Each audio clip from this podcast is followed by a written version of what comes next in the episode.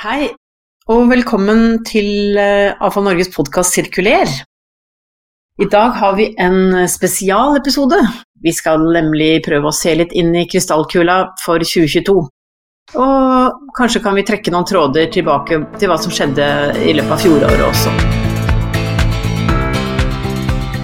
Mitt navn er Nancy Strand, og veldig hyggelig i dag å ha med vår administrerende direktør Cecilie Lind og næringspolitisk direktør Kåre Fostervold. Velkommen til dere begge. Takk for det.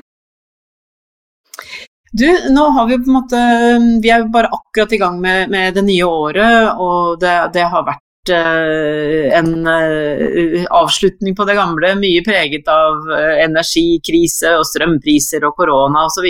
Men hvis vi skal se litt, eh, måte, liksom litt utover det, det som, som, vi tenker mest på hver eneste dag, men hva er liksom de store trendene, tenker du Cecilie, som virkelig nå De store trendene som går, som ruller og går, uavhengig av de, de, de store spørsmålene vi står oppi akkurat nå? Ja, det er jo det, det handler jo liksom mye om klima fremdeles. Uh, og så kan jo det brytes ned på veldig mange forskjellige nivåer uh, og måter. Det som jo er gledelig, er at vi ser at det er en enda tettere, eller flere, enda flere gjør koblingen mellom klima og det bransjen vår jobber med, og den sirkulære økonomien. At den sirkulære økonomien og det å ta bedre vare på ressursene er en veldig viktig del av løsningen på klimakrisa. Og det ser vi at der er det en bevegelse at flere og flere gjør den koblingen, selv om vi må jobbe også i 2022 med at uh, alle får det med seg. Um, og så er det jo energikrise, som du nevnte. Um, og et helt sånn konkret kobling til bransjen vår er jo biogass. Um, som kan være med å Som er en verdifull verdi, uh, til energimiksen.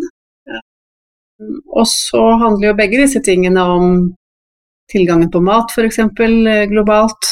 Uh, matsvinn har vært på dagsorden. Biologisk mangfold uh, er et tema som, som, flere og flere er opptatt av, både globalt, men også lokalt. så det er mange koblinger mellom de store sakene og, og bransjen vår, da. Mm, mm. Men, men, Kåre, du som sitter tett på den politiske situasjonen i, i Norge, liksom, hvordan, hvordan, opplever du at uh, mange av tingene som ble sagt f.eks. i regjeringsplattformen, offensiv satsing videre på sirkulær økonomi, og har dette nå på en måte druknet helt i, de, i det som er det, de akutte tingene, eller kan vi forvente at dette jobbes det med og finner sin plass? Uh, jeg, er ikke redd for det. Vi så jo gjennom fjoråret og, og valgkampen at uh, klima, som Silje var innom, var jo et uh, hett tema. vi trodde det også skulle gjøre noe med Stortingets sammensetning og ny regjering. men så har jo selvfølgelig koronaen og etter hvert da strømprisen tatt mye fokus. Men veldig mye av det som vi var veldig fornøyd med i regjeringserklæringen, Eh, er jo et arbeid som, eh, der det må legges noe grunnlag, og så må man eh, stake ut nye handlingsplaner og retningslinjer. Så jeg er fortsatt like positiv som jeg var etter at regjeringsplattformen kom på plass. Og så var det jo en veldig sånn rotete budsjettprosess i høst, i og med at vi hadde en mindretallsregjering. de skulle forhandle med Stortinget, de skulle legge fram et nytt budsjett i forhold til Solberg-regjeringen. Eh, så det var jo slitsomt nok bare å henge med i svingene eh, når man skulle følge forhandlingene. Eh, men jeg tror ingenting er glemt. Og så var det en del ting som var veldig positivt i budsjettet. Blant annet så skal eksportfinansiering nå få et veldig klart mandat på å satse på, på klima og miljø på sine prosjekter. Og det, det, tror jeg er litt viktig for oss å signalisere til vår bransje også. At der mm. finnes det muligheter internasjonalt, eh, og det norske eh, myndighetsapparatet vil støtte mer og mer oppunder det i, i åra framover. Og der, der, må jo vi også gjøre en jobb, og så følge med på kartlegget kartlegge og presentere for våre medlemmer de spennende mulighetene som kommer der. Mm, mm. Men vi fikk jo, med den nye regjeringen så fikk vi jo en, en, en ny næringsminister, Vestre, som gikk høyt ut på banen. Og, og, har vært veldig opptatt av å signalisere at han ønsker å stå i bresjen for overgangen til, til grønne løsninger. Uh, norsk industri skal gjennom en grønn omstilling osv. Så, videre. så Så um, hvordan liksom vært uh, Hvordan har dialogen uh, med, med næringspolitikken og næringsministeren vært? Vi ble jo invitert til et felles møte i desember, var det vel? Eh, sammen med Norsk Industri og Rederiforbundet. I godt selskap, med andre ord? I godt selskap. Så vi hadde en interessant time sammen med næringsministeren og diskuterte bl.a. dette med økt bruk av resirkulerte råvarer. Vi måtte jo snakke om det siden Norsk Industri var der, og vi hadde hatt besøk av Hydro på høstmøtet vårt, som kom for å be om enda flere og bedre tilgang på resirkulerte råvarer. Så Uh, og han er jo en mann som har en bakgrunn som gjør at han er kjent med med den uh, tankegangen som vi, som vi, presenterte. Vi var også innom biogass uh, i forbindelse med at Rederiforbundet eh, var der, og energi og industri, da. Så, så, vi har vel et håp, Kåre, om at vi har en, fått en næringsminister som har noen knagger i hodet som gjør at han raskt skjønner hva vi snakker om, og også kan være med å dra bransje, være med å dra bransjen i riktig retning. Legge til rette for at skal, medlemmene våre skal lykkes. Ja, jeg, jeg, tror det sterke signalet fra næringsministeren i det møtet vi deltok i, var jo at eh, det er jo samarbeid mellom bransjene som vil være det utløsende. Og så vil jo da eh, storting og regjering følge opp med eh, støtteordninger og, og, kanskje være et nav da, i det arbeidet. Men, eh, men det var veldig positive signaler vi fikk fra bl.a. Eh, Norsk Industri og andre om at vi må også snakke sammen. At vi ikke bare blir veldig bransjeorientert, men at vi ser på tvers. Så jeg syns det var veldig positive signaler, og så får vi håpe at han holder det tempoet han hadde i de møtene nå i høst, eh, i det videre arbeidet også. fordi det er mange ting som er tidskritisk i forhold til at vi skal utnytte det internasjonale potensialet også. Mm, mm. Men altså, godt eksempel på Nå blir det litt selvskryt, uh, unnskyld oss til alle lyttere, men altså, som du nevnte Cecilie, for Norge hadde jo høstmøte rett før vi, dere hadde det møtet med ministeren, og, så, og da kom det mange gode innspill fra, fra et godt utvalg ledere fra hele landet, som nettopp kom med hva er det som er viktig for bransjen, som da kunne overleveres til ministeren for å for det er vel det som er ditt mantra, Kåre, er det ikke det i det politiske arbeidet? At vi må være konkrete og komme med de konkrete eksempler. Og gi de knaggene som du er inne på, da. Jo da, for det, det er jo litt sånn med, med, politikerne at de peker en retning, men det er jo ikke de som, eh, som på en måte skal komme med teknologien eller komme med finansielle løsningene hele tiden.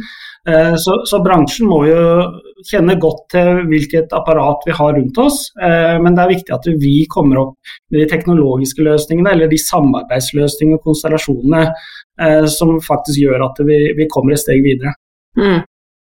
Men som du nevnte, så var jo den øh, prosessen rundt øh, statsbudsjettet øh, nokså uoversiktlig.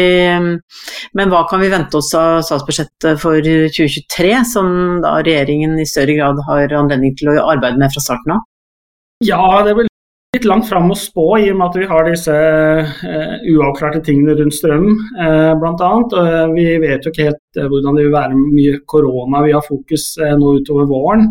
Men det er jo eh, regjeringen begynner å jobbe med, eller har allerede begynt å jobbe med eh, statsbudsjettet for 2023. Eh, man begynner i desember eh, i fjor da, med å spille inn hvilke satsingsområder man vil ha penger til, og så hva man eventuelt kan spare inn.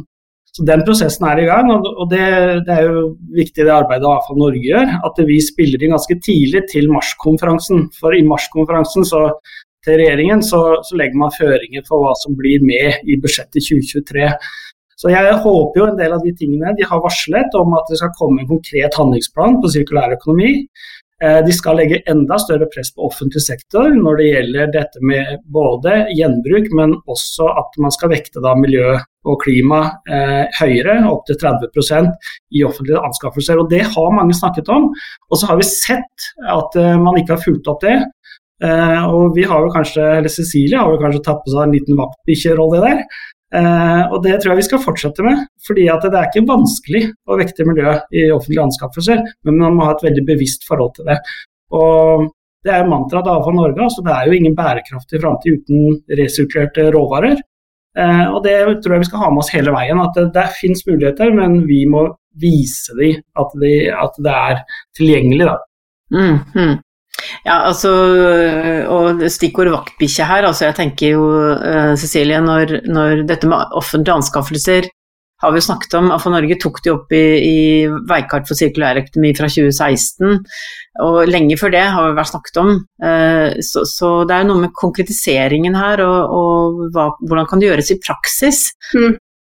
Ja, det har vært mye snakking. Og, og mange utredninger og handlingsplaner og, og NOU-er. Eh, dessverre så skjer det jo skuffende lite, må jeg si. Eh, det skjer selvfølgelig noe. På de store anbudene i de store byene så er miljø og bærekraft og også etter hvert sirkulærøkonomi en selvfølge. Men på de mange anbudene rundt, og det er de det er flest av, som på en måte oppleves som små anbud kanskje for f.eks. aktører som Statsbygg og Forsvarsbygg, men det er jo det, den typen anbud som er liksom hoved, det er det som er brødet uh, i bransjen vår. Så det er viktig at, uh, at, det når helt ut i det praktiske liv, og da møter man jo pris som kriterium med en gang. Og det er klart at en pressa kommuneøkonomi f.eks., så, så er det ikke vanskelig å forstå at pris er et viktig kriterium. Og det er jo derfor vi eh, har sagt at vi kan ikke lenger nøye oss med å ha bør. Bør-krav, for bør blir for svakt eh, mot hensynet til pris. Så vi må over på skal og må. uh, og så må den enkelte innkjøper ha kompetanse til å, til å stille de rette kravene, men det er som Kåre sier, det er faktisk ikke så vanskelig i hoveddelen av de anbudene som våre medlemmer uh, skal uh, gi pris på også. Det er, uh, det er tilgjengelig teknologi, det er kjent teknologi, det er nok konkurrenter i markedet. Det er lagd veiledere og guider, og nå finnes det til og med en hotline du kan ringe for å få hjelp hvis du er innkjøper. Så dette her burde være egentlig plankekjøring for de aller fleste i 2022 i hvert fall. Ja, La oss ha det som, eh, som utgangspunkt. Mm. Og, det, det, og, apropos kommunenes rolle her, da, fordi, fordi det, er, det, er, jo, som du sier, er jo veldig mange uh, beslutninger eh, Det er jo summen av de mange små beslutningene som, som til slutt skaper resultater. Så, så, vi har god kontakt med, med politikere på, på, nasjonalt nivå, men, men bransjen har et, også veldig god kontakt med, med politikere eh, lokalt. Og det var jo et nytt initiativ der i, i, i fjor, eh, Kåre, som, som, vi tenker skal videreføres. Ja, øh, vi hadde jo Gjenvinnerdagen eh, som, eh, som, en pilot, egentlig. Der vi eh, ønska å vise lokalpolitikerne både arbeidet våre medlemmer gjør, og også hvilke muligheter og eventuelle planer man hadde da, for årene framover. Og en del politikere, lokalpolitikere sitter jo i styrene i disse selskapene. Um, Tilbakemeldingen vi fikk var så bra, både fra de som hadde vært på besøk, og også de som hadde arrangert, at uh, vi bestemte oss for at dette gjør vi til en årlig hendelse. Nå er vi bare på år to, Nancy, men uh, vi, får, vi, får, satse på at det blir en tradisjon. Uh, men det var i hvert fall en veldig god dialogarena, der man kan stille de som noen er kanskje litt redd for litt dumme spørsmålene, men få gode svar. Eh, og så finnes det også helt sikkert planer hos de fleste av våre medlemmer på å enten utvide arealene eller eh, samle inn på nye måter, altså nye planer. da. Eh, og Det er veldig fint å få forankra de hos lokalpolitikerne, fordi det er kommunestyrene som sitter som eiere mange steder. Eh, og vise at dette er en vekstbransje, og det er muligheter, og det er her den bærekraftige framtida på en måte må starte. Vi må se på gjenbruk av materialer og nå får man også fra regjeringen også en lite spark da, om at man skal tenke både gjenbruk og resirkulering, og også faktisk eh, sette krav til at bygg kan demonteres eh, i framtida. eh, for å brukes på nytt andre steder. Så det skjer, det skjer veldig mye der ute, og veldig spennende eh, i forhold til det arbeidet vi gjør. Men det er, eh, som vi var inne på i sted, det er viktig å komme opp med konkrete caser som viser hvordan det kan gjøres. At det ikke bare blir fine taler. Jeg vil gjerne nevne en ting i forbindelse med det her med kommunens rolle og kommunevalget 2023, som kanskje virker litt lenge til akkurat nå, eh, og det som Kåre var inne på med gjenvinnerdagen, og det er det her med lokalisering av avfallsanlegg og gjenvinningsanlegg. Eh, fordi man er jo avhengig av en byggetillatelse. Eh, hvis man skal Eller en endring, kanskje, i eksisterende tillatelse. Og det er det jo lokalpolitikerne som skal gi.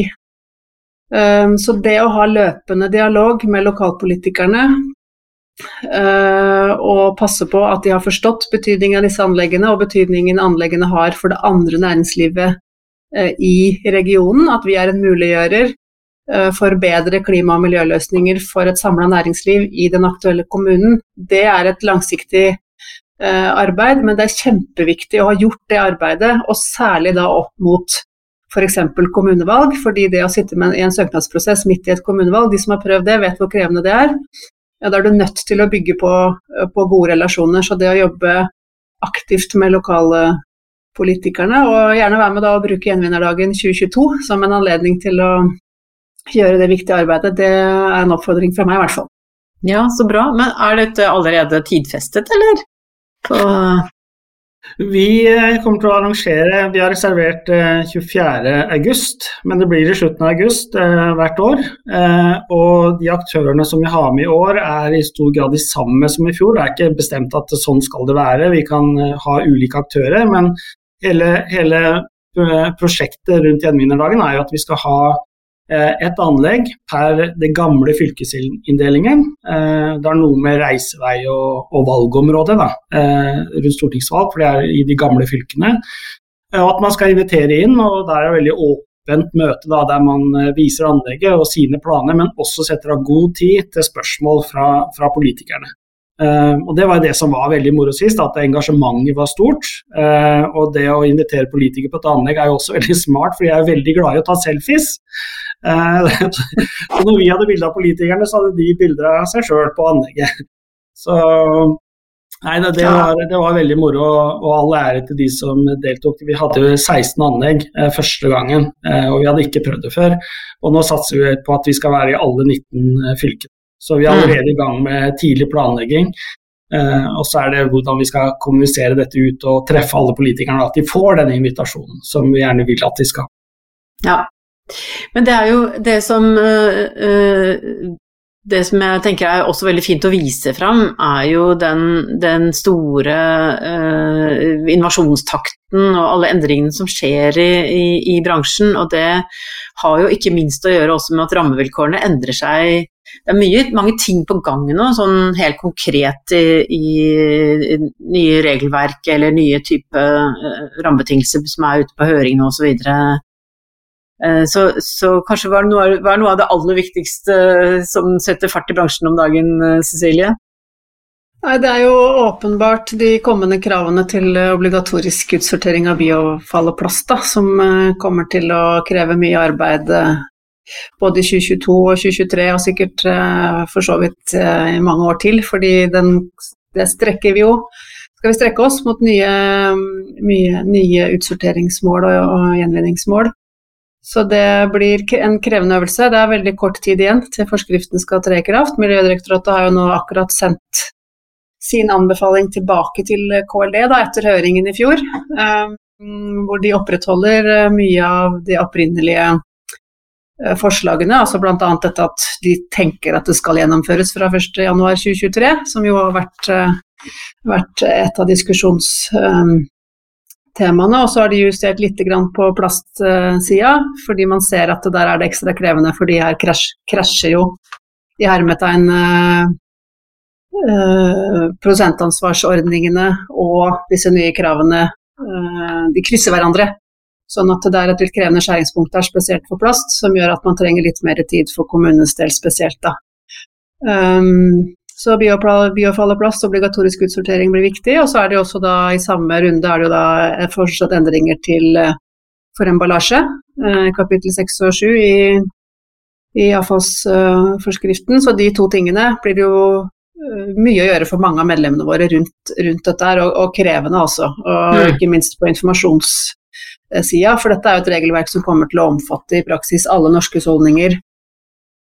Eh, og egentlig et stort antall av Norges bedrifter også. Mm.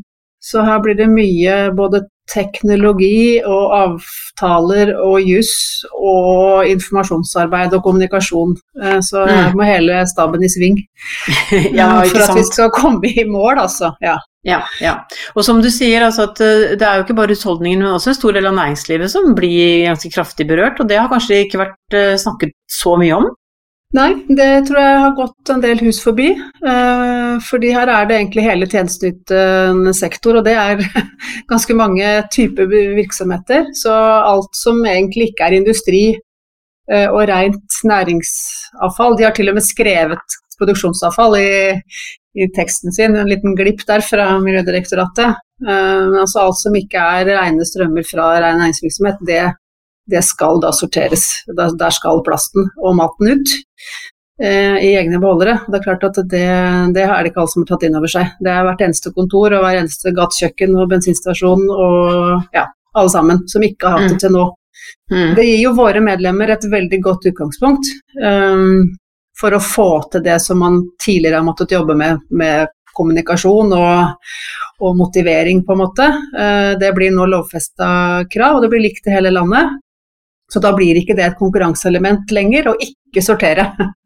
Nei, eh, nettopp. Så det er, jo, et, det er jo det som er bra med, med regelverket, men, men det, er, det, er, kort tid altså til det skal tre kraft. Så det blir en tøff, tøff øvelse for mange. Mm. Mm. Men altså, eh, du, du, nevnte innledningsvis, så nevnte du også dette med, med matsvinn som et, mm. Eh, et, stort tema globalt, men også i, i, i norsk både politikk og, og, og ramme, rammeverk, holdt jeg på å si. Mm-hmm. Hvordan vil det eh, liksom, Kravet til utsortering, men også kravet til å redusere matsvinn. altså ja, Vi har jo hatt en bransjeavtale i mange år, eh, men den har jo egentlig fokusert på det som skjer før, eh, før kjøkkenbenken, for å si det sånn. Det har vært, vært, produsentene og forhandlerne som har vært med i bransjeavtalen. Uh, og man har jo satt seg da et mål om å redusere matsvinnet med 50% innen 2030, og man skulle da være på 15% i 2020, og vi har klart 10 um, eh, Men vi vet jo nå at det, det, som står igjen nå, er jo egentlig det som skjer hjemme hos hver enkelt av oss. Vi kaster, tror jeg var det 85 kilo spiselig mat uh, i år i gjennomsnitt, hvilket betyr at noen av oss kaster veldig mye mer enn det, for noen mm. kaster jo ikke så mye. Um, så her forventer vi at uh, fokuset kommer til å flytte seg da, fra det som er gjort nå i butikk uh, og på produksjonsleddet, og mer fokus på det som skjer i, i, husholdningene, rett og slett. For det er der den store mengden står igjen. Da, og det er det samme som EU. EU jobber med det samme, så de ser jo nå på å legge inn nye krav i rammedirektivet uh, fra jeg tror det er andre kvartal 2023. Mm. Um, så her strammes det til um, både, mm. både, på norsk nivå og EU-nivå, da. Mm. Mm. Så tror du, for det er jo flere i, i, innenfor avfalls- og gjenvinningsbransjen også som har jobbet med dette, men, men, ikke alle. Så tror du det blir litt sånn at uh, her er noe som egentlig alle må jobbe med å være involvert i og engasjert i?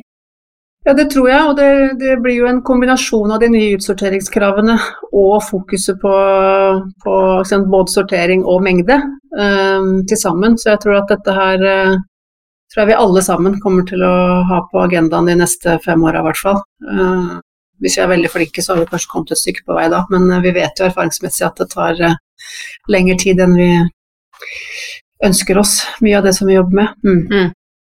Men altså, en, en ting som jeg syns uh, er, er, interessant, fordi når vi diskuterer sirkulærøkonomi, så har jo dette her med betingelser rundt eksport uh, og hindringer, egentlig, altså med tanke på at, uh, at resirkulerte råvarer også kan flyte på en god måte for å utnytte de på best mulig måte. Mm. Så og også på en måte på den, på, si, på den ulovlige delen, altså nemlig ulovlig eksport. Altså her også skjer det ting nå i, i, i rammevilkår som, som, skjerper inn praksis. Og, mm, hvordan vil det slå ut for bransjen, tror du? Ja, Det skjer jo egentlig langs to akser. da. Så Det ene er jo at man ønsker å gjøre eksporten av resirkulerte råvarer smidigere. På EU-nivå.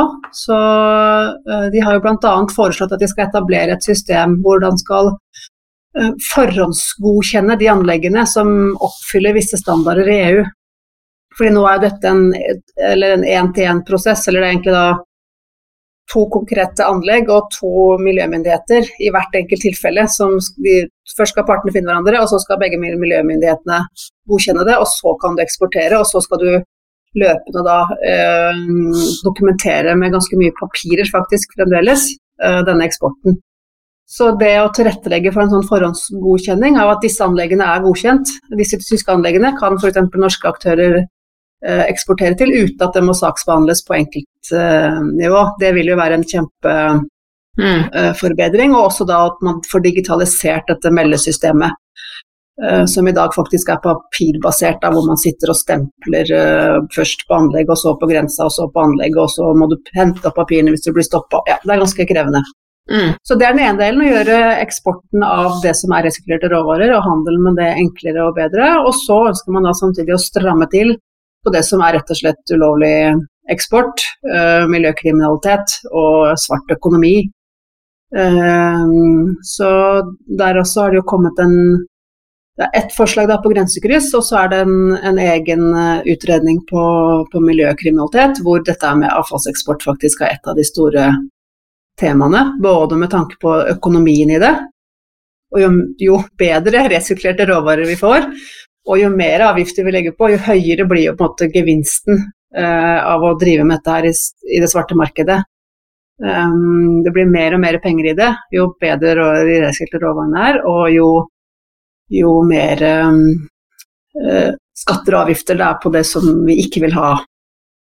Så det, så det er bra at det ledsages av en oppstramming fra miljømyndighetenes side, og et samarbeid mellom toll og politi og miljømyndighetene da, for å, å hindre dette her. Eh, mm. Både, på, både innenfor EU, men også ut av EU, selvfølgelig.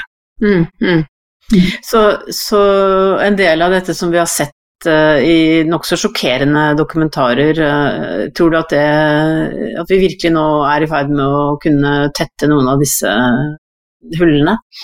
Ja, jeg håper det, men jeg, jeg, vi har jo en tendens i Norge til å være litt naive. Vi tror liksom at uh, alt som er ulovlig, det skjer i et langt, langt borte fra oss. Uh, og så har vi sett eksempler fra Sverige bl.a., hvor det har vært drevet ren sånn mafiavirksomhet i, i Stockholm sentrum.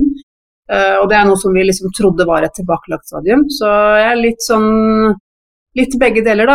At det er høyere opp på myndighetenes agenda. Det settes av mer ressurser. Men parallelt så, i og med at det er større økonomiske interesser, så blir de jo også proffere på den andre sida.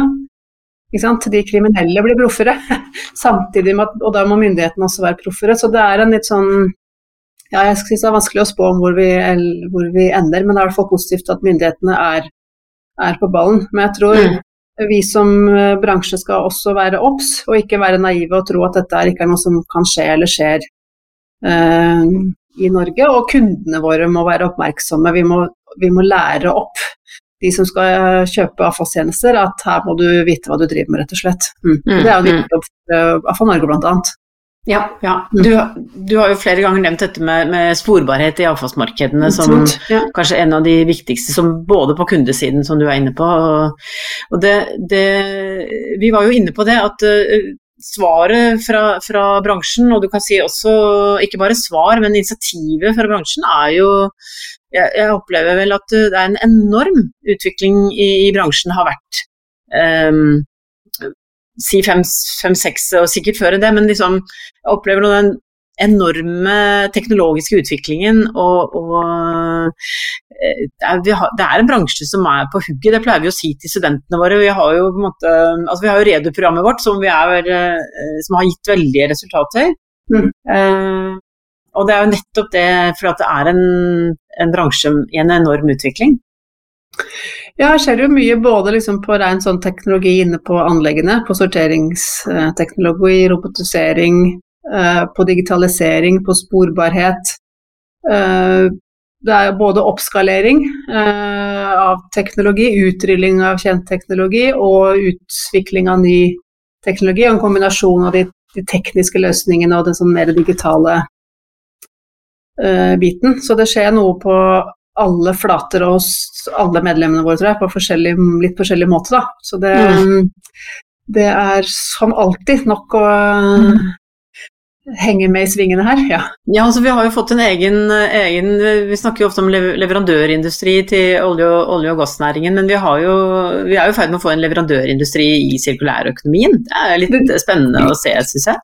Det er kjempespennende, og det er noe av det som gjør det som Kåre har vært innom nå også flere ganger, dette med eksportpotensial. ikke sant? At det finnes norsk teknologi eh, som ligger langt framme i verdenssammenheng, eh, og som eh, det er mange flere enn enn, eh, norske kunder som har bruk for. Da. Og det at myndighetene også har, eh, har fått øynene opp for det, syns vi er kjempespennende. Så du kan jo Det kan vi jo jobbe litt mer med i 2022. Mhm, ja, Så, så den, denne voldsomme utviklingen, altså hvordan, skal, eh, hvordan ser du for deg at AFO Norge nå eh, skal, skal utvikle liksom, det arbeidet som, som vi jobber med? Nei, altså Det er jo medlemmene våre som er best på, på sin egen drift og teknologi, så der har jo ikke AFO Norge noen, noen åpenbar rolle. Så vår rolle er jo å vite hva medlemmene våre trenger for å lykkes med, med sine prosesser, og, og oversette det til uh, konkrete tiltak som politikerne skal gjennomføre. Da. Så det er jo en sånn silejobb for oss på en måte, å forstå uh, hvilke rammebetingelser og hvilke, hvilke ordninger medlemmene våre trenger. Um, for at de skal lykkes. Um, mm. Og, eh, men du og, og styret har satt i gang en, en ny strategiprosess eh, som skal rulle og gå utover i, i, dette året her. Så hva forventer du skal komme ut av den? Nei, det er jo viktig å ikke, ikke bokse seg inn da, før prosessen starter. Så jeg har egentlig prøvd å ikke tenke så veldig mye på innholdet enda, men fokusere på prosessen. Så vi hadde styremøte før jul, så nå har vi lagt opp et, et løp hvor vi trapper opp sånn litt tidlig på våren her med strategiarbeidet. Og så er ambisjonen da å legge fram et, et nokså bearbeida utkast på høstmøtet eh, i november. Eh, og så da ha en sånn siste høringsrunde med medlemmene da etter det, og så ha strategien klar til, til jul da om et års, snaut års tid. Så det, det blir veldig spennende, men jeg vil ikke foregripe innholdet på noen som helst slags måte. Det, du, det skal medlemmene og styret få komme med. Ja.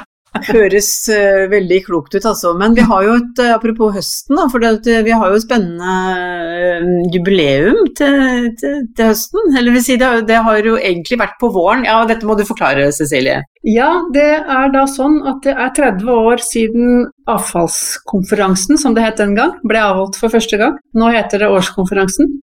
Så vi skal feire 30-årsjubileum i år. Sikkert med mange av medlemmene våre, tror jeg. Vi vet at det var en del som fylte 30 år i fjor. Og helt sikkert en, del, en gjeng som fyller 30 år i år også. Det var liksom da det begynte å ta i den bransjen her. Så for å unngå kollisjoner med diverse andre arrangementer, så har vi også valgt å flytte konferansen til september. I håp om at hele bransjen kan være med oss og feire skikkelig når korona nå legger seg i løpet av våren. Ikke sant. Ja, så, så, flott. Da kan vi, da kan vi Det blir en sam, samfeiring, høres ut som. Det, det, er jo alltid fint. Og det, yeah.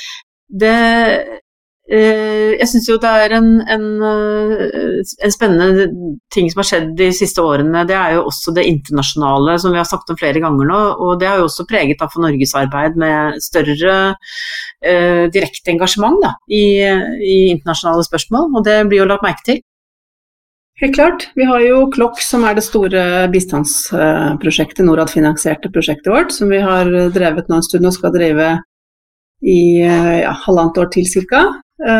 Litt avhengig av hva vi blir enige om med Norad. Men det skjer jo veldig mye i kjølvannet av, av Klokk, og i det farvannet som har hatt utgangspunkt i plastproblemet.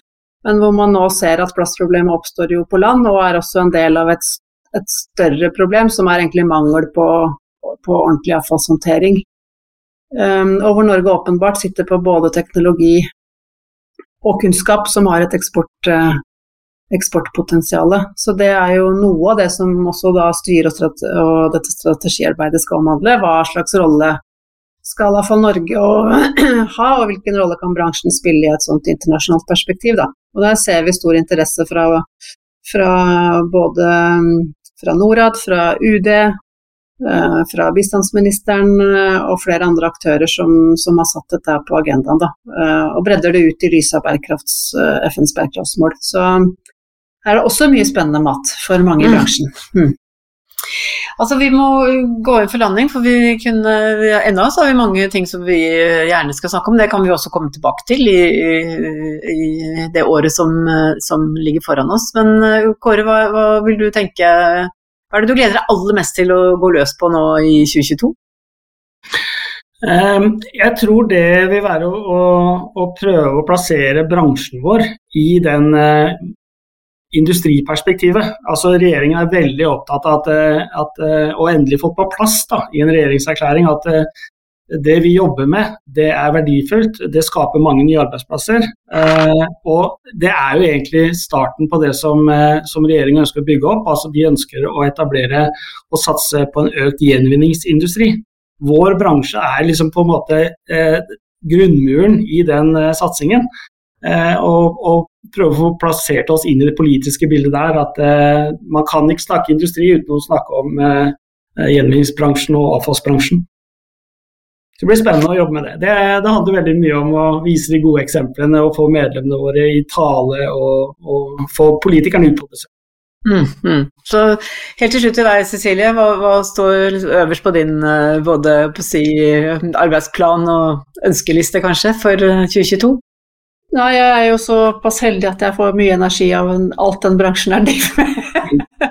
Så jeg gleder meg til eh, ja, både næringspolitisk arbeidet, strategiprosessen og til å følge med på alt det spennende som medlemmene våre eh, holder på med hver eneste dag. Da. Jeg syns det er utrolig, som alltid, utrolig mye spennende som skjer rundt omkring i det ganske land. Så håper jeg at, da, at det blir litt mindre korona, sånn at jeg får Eh, mer anledning til å reise rundt eh, og være ute der hvor, eh, i den virkelige verden, der hvor ting skjer og verdiene skapes og arbeidsplassene er, og lukte på de resirkulerte råvarene. Mm, mm. Ja, veldig bra. Da tror jeg det bare gjenstår rett og slett å si tusen takk for i dag. Takk for i dag. Takk for i dag. Takk til dere som har hørt på, og takk til vår produsent Håkon Bratland. Jeg håper vi høres snart igjen. Ha det bra!